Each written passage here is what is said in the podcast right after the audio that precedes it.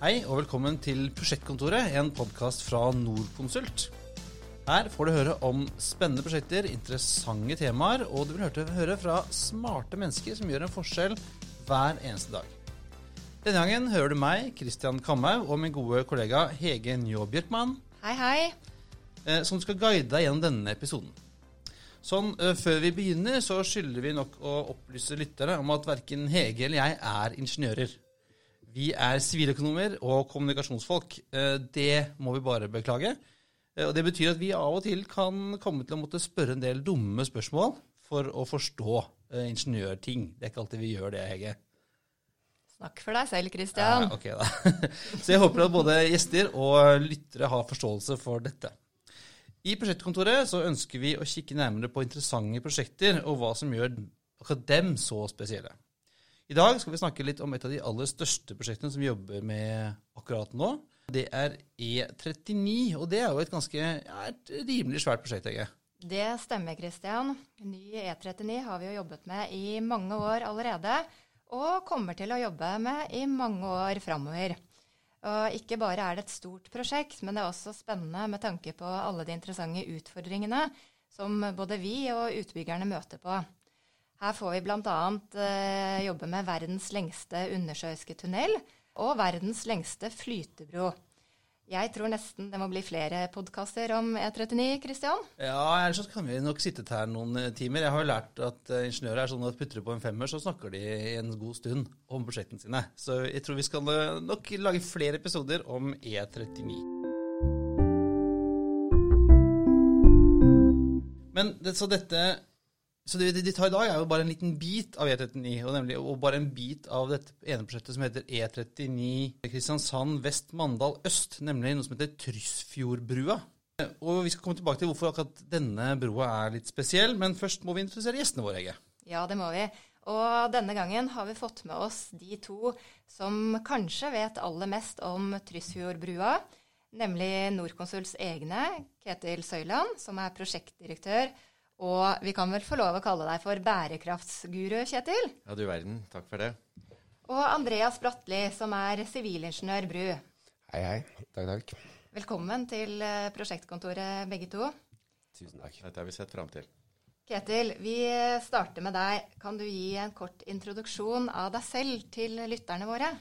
Ja, jeg har um, jobbet nå med broer i veldig, veldig mange år eh, i Norconsult. Og så har jeg jo sett at disse prosjektene våre gir store miljøpåvirkninger, og, og tatt en rolle innenfor miljø, og, og, har nå en stilling som prosjektdirektør bærekraft, eh, som vi kaller med fokus på anleggsbransjen. Så jeg prøver nå å påvirke våre medarbeidere, på våre kunder, og, og selvfølgelig prosjektene da, til å gjøre noen kloke valg i forhold til klima. Eh, Og du, eh, Andreas, du er liksom eh, Vi prøvde å si at Kjetil kunne, Kjetil kunne mye om broer, men han sa at du, liksom, du og gjengen din er jo de som virkelig kan bru. Ja, jo, jeg kan Jeg har jobbet nå snart syv år. Eller snart åtte år, faktisk. Ja, det går litt fort. Så nå holder jeg til her i Sandvika. Jobber hovedsakelig med digitaliseringsbiten av det som vi jobber med innenfor bro. da. Så jeg prøver å dra lasset, utvikle litt grann, og passe på at vi får, eh, ja, ja, får ta, tatt nytte av den teknologien som er tilgjengelig for oss. da. Hvordan blir man egentlig broingeniør? Sånn rent teknisk for min del så har jeg gått eh, tre år i, i Høgskolen i Bergen, og så med påfølgende to år to, det hvor jeg tok masteren i Trondheim. Så det var sånn Altså det er en liten sånn spire inni deg. da. Du kjører rundt på veiene som liten og ser på disse fantastiske konstruksjonene rundt omkring, og da er vanskelig å ikke bli fascinert. Var det sånn som bygde broer da du var liten? Alltid med Lego, ja. Ja, ja, ja. det var. Christian, det har jeg også gjort. Du, jeg, jeg, jeg bygde sånne demninger, jeg, husker jeg, i, i sånne små bekker på hytta og sånn. Jeg ble aldri ingeniør for det, da. Nei, Demninger har alltid vært favoritten.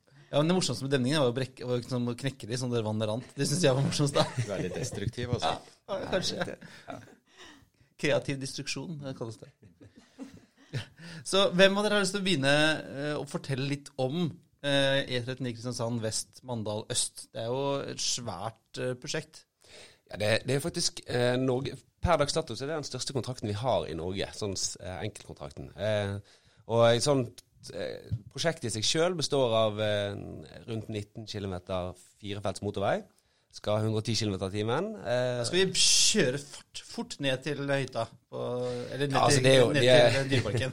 Ja, dette er jo prosjekt i regi av Nye Veier, og de har jo en god del av eh, den eh, strekningen som går fra Oslo og ned, nedover. Så eh, jeg tror tipper målet er at man skal komme seg raskest mulig til Dyreparken. Ja. Det, er veldig bra.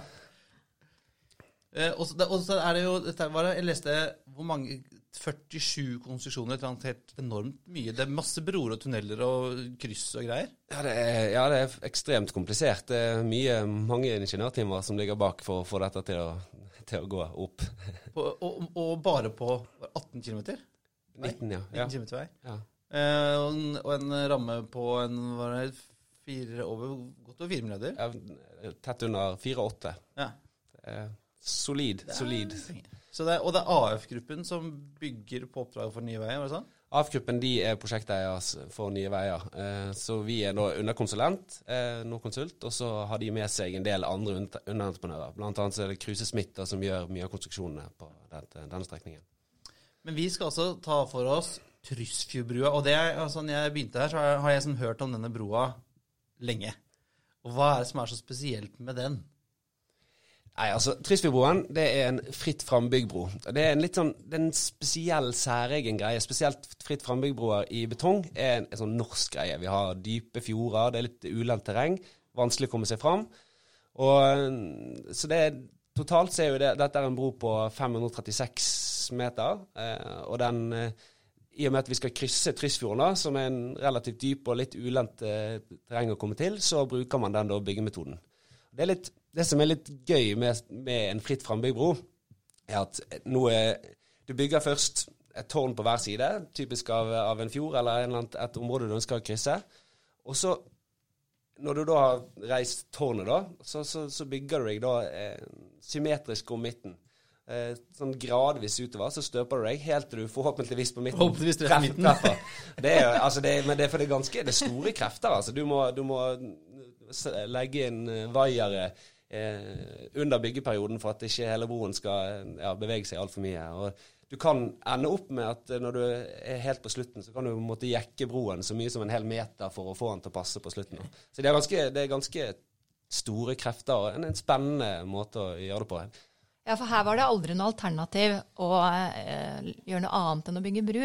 Tunnel eller andre ting var ikke diskutert her. Her måtte det bli bru. Her måtte det bli bro. Det er litt sånn i forhold til Vi skal ha 110 km i timen, og da er det veldig strenge krav til, til uh, geometrien på veien. Og å bygge noe annet enn bro, det ville vært uh, vanskelig å få til. ja. Jeg skjønner, og det å bygge bru er vel ikke alltid det mest bærekraftige man gjør heller, rent sånn byggeteknisk og materialmessig. Eh, og jeg vet jo at her i Norconsult så gjør vi jo alt vi kan for å redusere CO2-avtrykket i prosjektene våre. Og så eh, har jeg hørt at vi eh, klarte nå med den brua her sånn å redusere CO2-avtrykket tilsvarende da Jeg har notert meg 8700 flyturer for én person Oslo-Paris. Men stemmer dette, da? Hvem skal reise til Paris 8700 ganger? da? Ja, men Christian, et eksempel, da. Det sier jo litt. Nei, men det, det er klart eh, Hvordan skal du fortelle hva et klimagassutslipp er? Og så må du prøve å eksem- eksemplifisere det litt. Da, og, og, og Derfor bruker vi litt sånne sammenligninger noen ganger. Men overordna så har jo Nye Veier vært veldig flink, de er en god kunde. Eh, De har vært veldig flinke til å sette krav til oss som eh, utførende, som rådgivere, til å redusere.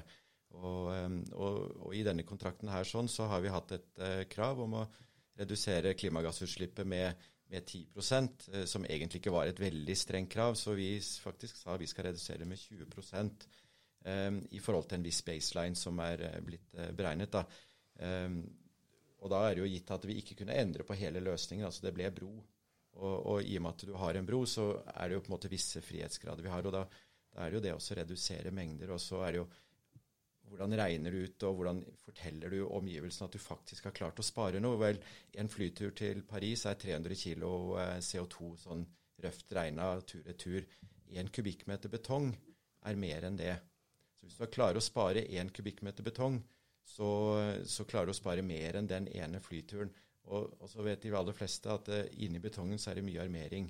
Og, og, og armeringen er også den samme flyturen, så det blir nesten togangeren da, i, eh, i besparelse. sånn at det, hvis du klarer å redusere mengden betong, så er det viktig. Og på en sånn en bro som Tysfjordbrua, som da er så, så, så, lang og så stor, så er det egentlig mengdene som betyr noe. Klarer ikke å gjøre så veldig mye med materialet. Betong er betong i denne sammenhengen. Jeg kjenner jo at jeg fikk veldig lyst på en tur til Paris, jeg da, men, eh, men, nok om det. Eh, det er en stor bru, og den er vel snakka om at den er 530 eh, meter lang. Men det er ikke den eneste brua på E39. Er det ikke en hel haug med bruer som skal bygges? Jo, det er jo rundt 20 broer som skal bygges totalt. da. Så det, det er ganske Ja, det, det, er mye broer som skal gjøres.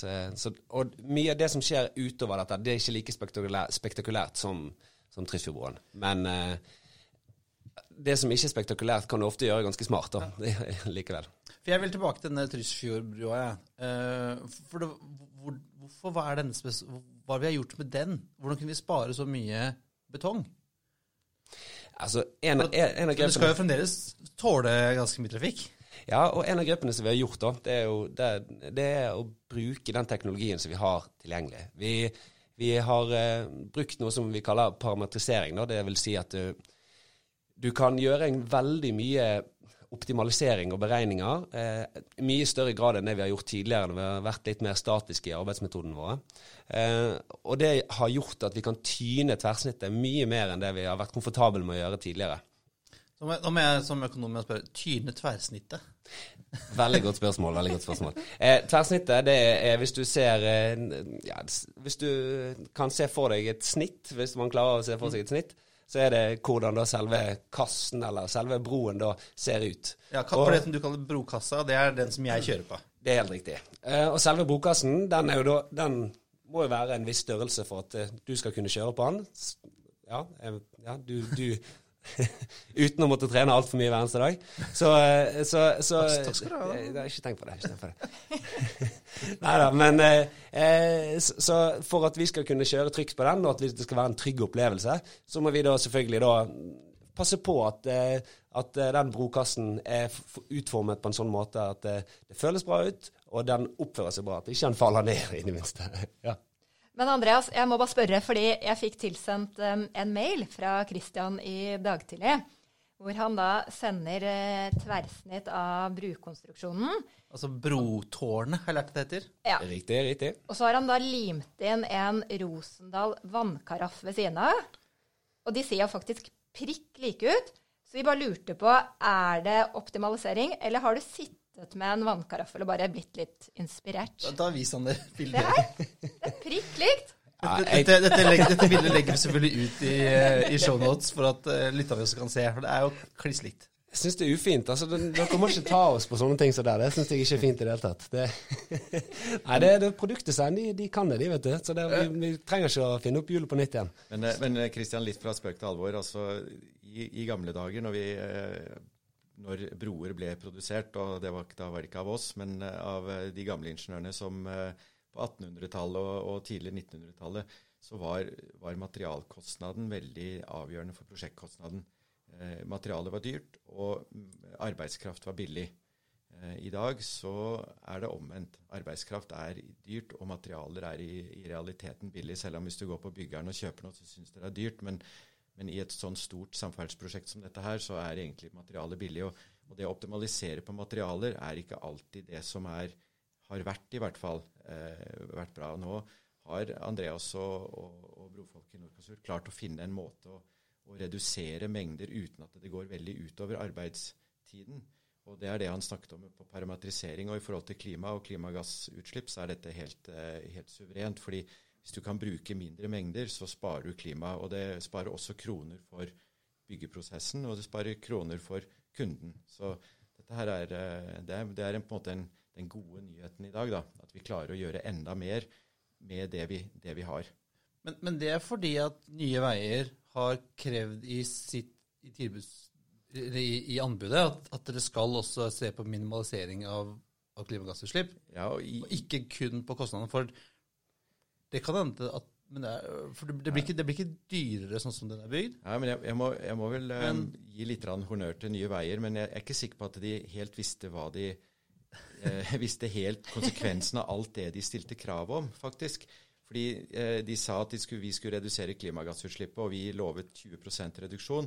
Og så visste vi ikke 100% hvordan vi skulle gjøre det, men vi visste at dette kom vi til å få til. Høres ut som en god selvkikket. Eller Ja, bare jo, ja, ja, dette, fikser vi. Dette fikser vi, men eh, ingeniører vi har gjerne, gjerne eh, den, den driven til å klare å løse utfordringer, og det er jo ingeniør, typisk ingeniører. Men så sa Nye Veier også at vi skulle gjøre tegningsfrie leveranser, og vi skulle digitalisere prosjektet i veldig stor grad. Og, og konsekvensen av det er faktisk at vi har klart å redusere med de 20 prosentene. For hvis vi tar noen tall på Tysfjordbrua, så har vi redusert eh, mengdene på den broa med ca. 15 og, og det, da, da begynner du å nærme deg det 20 og så har vi tatt, eh, tatt en del av besparelsen på andre konstruksjoner. Nei, men, men Tysfjordbrua har da faktisk klart å, å gjøre ganske mange gode ting pga. disse kontraktskravene til Nye Veier, og det, det er veldig morsomt. Ja, jeg syns det er morsomt at du også kommer innom de kravene som stilles fra Nye Veier. Uh, vi har jo den holdningen at kunder har alltid rett, sånt det. Og, og da er det jo ekstra morsomt når de pusher grensene. Og I sommer, i juli, så sendte Norconsult ut en pressemelding med overskriften E39 Kristiansand vest, Mandal øst skaper ny standard for digital informasjonsflyt. Og der ble det jo nettopp stilt veldig tøffe krav fra Nye Veier og i prosjektet om digitalisert prosjektgjennomføring. Så jeg bare lurte på om du kunne si litt om bakgrunnen for dette her. For vi er jo nå med og etablerer egentlig det vi kan si en ny standard for uh, digital informasjonsflyt i store samferdselsprosjekter. Jeg, jeg, jeg svarer gjerne på det. Det, så, det var litt sånn som Ketil sa i sted. Altså, eh, det er litt den Pippi Langstrømpe-saken. De krever noe som ikke finnes. Eh, veldig mye av den teknologien som, som de etterspør i sine tilbudsdokumenter, det er noe som ikke finnes i markedet per dags dato. Og da er det de som tør å si at dette har jeg aldri gjort før, men det fikser jeg. Det, det er de som, som får disse prosjektene. Og det er gjennomgående egentlig for nesten alle nye veiprosjektene. Og mm, litt av det som har blitt gjort der, er jo da å prøve å definere måten vi ser på, på digitale leveranser og, og, og anvendelsen av ny teknologi, litt på nytt. da. Og Det er det som vi har gjort bl.a. ved å utvikle Easy Prosjekt gjennom vår, eh, vårt dataselskap Noise, f.eks. Men det er jo litt sånn eh, alle drømmer mer eller mindre om en stadig mer fulldigital hverdag. Og allikevel så vet vi at det printes fortsatt hundrevis av dokumenter og skiltplaner og diverse annet i hvert eneste prosjekt. Og hvis ikke jeg tar helt feil, så gjelder det E39 også. Hvorfor det? Ja, det er en sannhet med modifikasjoner. Jeg er ikke helt enig. For hvis du ser på tallene her, så har vi redusert antall tegninger, blant annet, eh, med 97% Og det er, det er ganske stort, eh, stor eh, endring. Det der er veldig bra. Ja, uansett. Det, det, det, det, er- det er veldig gøy å være med på sånne ting, der du har så store endringer. Det er jo eh, endringen, Hverdagen vår har blitt annerledes. Det skal sies at vi fremdeles vi bruker mye av det samme tekno, eller måten å jobbe på eh, sånn fundamentalt, men vi, vi da digitaliserer da bruken vår. Men, men, det er, men det er jo egentlig ikke antall tegninger som er interessant, for det, er jo måten vi jobber på som er interessant. ikke sant? At uh, informasjonen fra den som sitter og tegner, til den som kontrollerer, til kunden, og så videre til den som faktisk bygger, skjer med det samme datasettet. Og Det er litt forskjellig fra, fra tidligere, at det har ofte vært oversatt i, for 10-15 år siden. Når vi leverte en tegning, så fikk entreprenøren den via kunden, og så oversatte de den på et eller annet vis til noe de kunne bygge. Mens nå trenger ikke oversette, de får det direkte. Og, og, og det, er, det er en veldig veldig stor forskjell, faktisk. Men det, om det er en tegning noen, Folk må jo klare å se på det de har, så om du kaller det en tegning eller kaller det hva det er. Men dataflyten, den er, den er viktig. Er det også sånn at øh, når man har heldigitaliserte, mer eller mindre heldigitaliserte prosjekter, gjør det også at, at muligheten for å se på, hvor, på konstruksjonen blir lettere? At dere på en måte gjennom å alt er det heldigitalisert, at dere da kan på en måte leke med, med modellene og, og, og finne ut at vi bygger brotårn som ikke er helt rette, men så ser ut som en vannkaraffel? Altså, det, det er helt det, det er riktig, det, for så vidt. Eh, Det som jeg tror kanskje er viktig å si, da, det er at du har enorme muligheter. Men eh, eh, jeg føler kanskje til en viss grad at, at av og til mulighetene er litt Det er for stort mulighetsrom for, for enkelte, da. Så, så eh, mange vil tilbake igjen av og til. Også, men når du da bruker litt tid med dem og gir dem muligheten til å se hvilke parametere, akkurat hvordan du kan kanskje ikke har bare deg et rektangulært tårn, men faktisk en vannkaraffel. Eller eh, ja, du kan, se, du kan, se, det fra mye forskjellige vinkler og vise og lære folk det, så blir det Ja, for da vil du også kunne leke med type materialvalg og, og se men hvis jeg endrer på denne, så, så vil dette skje. Uh, og jeg kanskje vil bruke mer ressurser i starten, men det vil bety at kanskje levetiden blir lengre, eller eh, driften f.eks. av et bygg vil være billigere eller bruke mindre energi, fordi at vi har valgt å bruke, et, bruke betong kontra tre eller noe sånt. Ja, tre kontra betong. Eller ja, ja uansett. Men ja, det det Selvfølgelig. Og det, du får veldig instant feedback. da. Du får Med en gang du gjør en endring, så kan du fort se hva det, hva, hvilken konsekvenser det får. Det, det syns jeg er veldig spennende å holde på med. Da. Og sett i en sånn klimasammenheng, hvis det er klimagassutslippet du er ute etter å redusere, og du har et kriterium i kontrakten hvor du skal det, så, så, er det jo helt nødvendig å ha mengder direkte. Og, og den, disse digitale modellene som gir oss da mengder på direkten. Hvis du endrer en parameter, så får du nye mengder, og så kan du regne ut antall flyreiser, eller som vi gjør, da, tonn CO2 i, i besparelse. Og, og, og det, det, blir på en måte en viktig, viktig greie i å klare å, å, nå de målene som settes fra kundene. Da. Jeg bare skyter inn der, så En ting er jo selvfølgelig hvilke materialvalg man bruker også, men det, det, måten du klarer å visualisere det som skal bygges på, det er vanskelig å matche med en tegning. Hvis du ser fullt ut, detaljert, hvordan dette skal bygges, så er det veldig enkelt for han som skal faktisk utføre det, å si at dette er en super idé, eller dette her går bare ikke. Så vi, du får veldig kjapp feedback på det praktiske også, ikke bare de teoretiske mm. tallene som vi ofte, som iallfall prosjekterende sitter og leker med. Ja, for du kan jo se denne modellen Denne broen er jo ikke bygd ferdig, men jeg har jo sett hvordan den skal se ut i 3D, for det finnes jo tilgjengelig. Absolutt. absolutt. Og du kan se det er veldig detaljert. For det som eh, En av de største fordelene med å gå fra eh, klassiske tegninger, der du har Da kommer vi tilbake igjen til et begrep som vi introduserte i dag, typisk snitt, eller et snitt eh, så, så har du ofte løst det for bare en typisk del av konstruksjonen. Mens nå når vi modellerer det fullt ut, så får du se alle de forskjellige variantene. Det er veldig enkelt å se avliggere eller ting som faktisk ikke funker for dette typiske snittet. Og alle disse tingene her forenkler hverdagen for de som skal bygge det, utføre det, planlegge det, bestille det. Altså hele, hele næringskjeden her får, får økt kvalitet på det de skal jobbe med. da. Det er for de som skal da støpe denne greia, dette tårnet, eh, kraftferen, eh, de får tegningene digitalt, slik at de kan se med en gang hvordan ting skal bygges, og hvordan ting er i forhold til hverandre og sånn. Ja, Tidligere så ville de fått en tegning, og da må du gjøre en del tankearbeid. Og det er mange som er utrolig flinke til å gjøre det tankearbeidet, men så er det også noen som trenger litt lengre tid. Men får du direkte, du ser hvordan denne tingen skal, karaffelen skal støpes opp, så er, så er det utrolig mye enklere for hele, altså alle involverte, ikke bare han supereksperten på betong eller han basen som har sett dette tusen ganger før.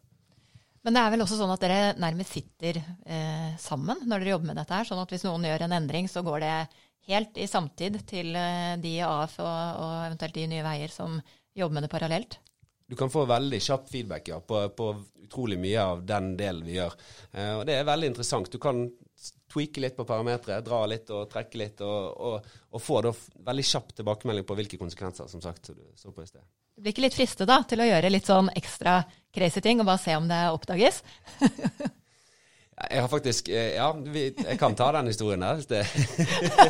jeg, hadde, jeg hadde, Vi hadde et prosjekt som jeg jobbet med det for noen år siden tilbake igjen. Altså, det er et veldig stort industriprosjekt. og Jeg satt og lekte litt og hadde sånn overordnet ansvar for den modellen. og Da endte det opp med at jeg eh, ville se det om de fikk med seg. Så jeg, inni en container så satt jeg en sånn Ferrari-bil. Den satte jeg inn, og lot, lot jeg den være der. da. Og så gikk det type tre kvart år før det plutselig jeg fikk en e-post tilbake der en av annen hadde funnet dette easter egget. Så du, du, kan, du, kan, kose deg litt med den type ting også. For det er jo sånn type sånn, som, som ut, datautviklere gjør, lager easter eggs for du kan finne ved å taste en viss uh, en viss kode i Google, så får du opp et spill. Altså den, dere gjør sånne ting òg, altså? Ja, jeg syns det er gøy, da. Det er bra, bra at ikke noen kjøpte inn den Ferrarien for å sette den inn der, for det skulle jo være tegningen.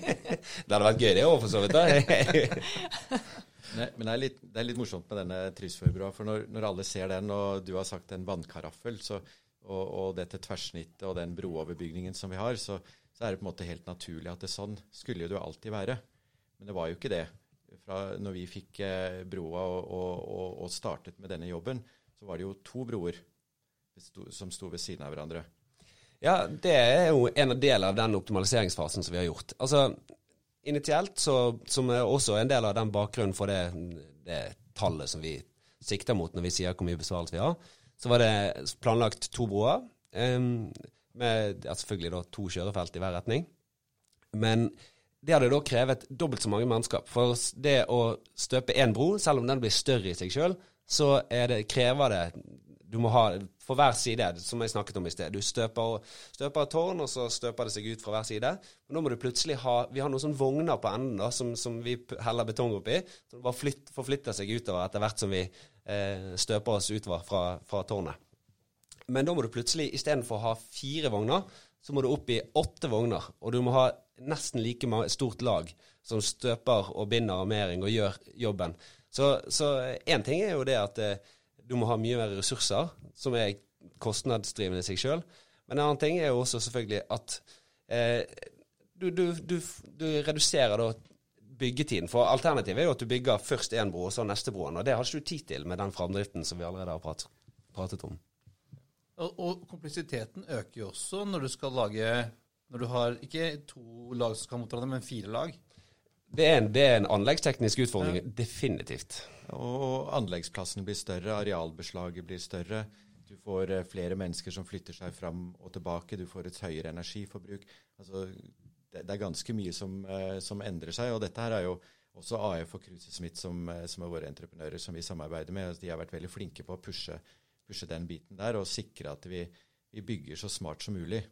Og, og, det er klart at den parametrisering og den måten vi har regnet på, gjør at det faktisk er mulig å få til å endre brokonseptet til noe som da reduserer ikke bare mengdene, for det er jo bare én bit av det, men det er også hele anleggsgjennomføringen og, og gjennomføringsmodellen. Og Nye Veier, de, eh, de hadde i det tidligere prosjektet vårt Kristians, eh, nei, Tvedestrand-Arendal, hadde, de, eh, hadde de et fremdriftskrav.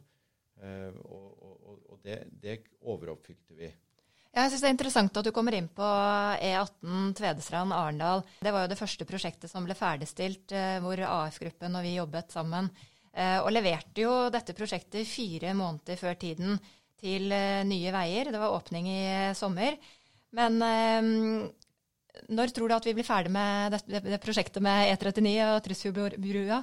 Per dags dato så ligger vi på planen. Det, de har støpt to tårn, så hvis man går inn på AF prosjektportal, så kan man da følge utviklingen hver måned. Da har de sånne faste punkter der man kan se et sånn 360 graders bilde. Det er ganske stilig, så jeg har vært inne der og, som ivrig, ivrig entusiast. Du er kikker, jeg var inne i stad. Du kan se den både fra øst og vest, denne brua. Jeg har sett de to tårnene står der klart allerede. Så ja, det, det, går framover. Ja, det går lynkjapt. Altså det, de er jo, Tårnene er vel rundt et sted mellom 40 og 45 meter. Det, og støper det opp. og De har brukt noe som kalles glidestøp. Da, litt teknisk, men eh, da, da klatrer du forskalingen oppover, så du støper mer eller mindre kontinuerlig.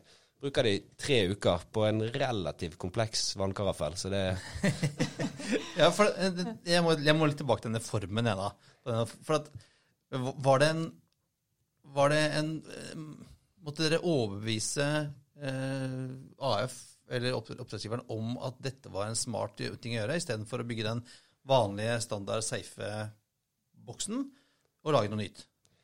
Nei, altså Her er det litt, litt tilbake igjen til det Ketil sa i sted. At, eh, eh, dette var et samarbeid. De har, de har bygget broer før. Spesielt Kruse Smith har gjort denne type broer tidligere. Så de er veldig flinke. Så er her har det vært et samarbeid mellom eh, Norconsult og eh, Kruse og AF.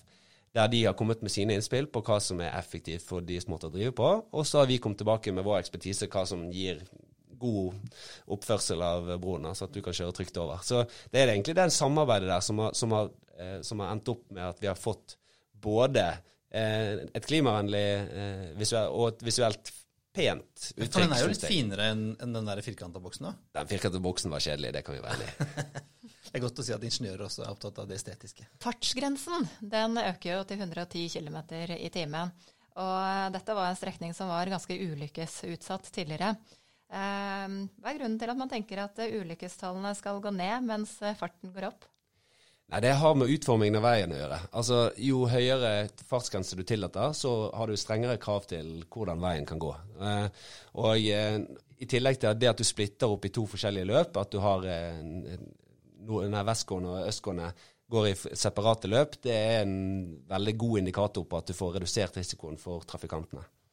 Så, så det er jo, for Personlig syns jeg det er en av de viktigste årsakene til at vi bygger disse veiene. fordi at det, det, det er jo en Senest for et år siden så var det noen som røk med.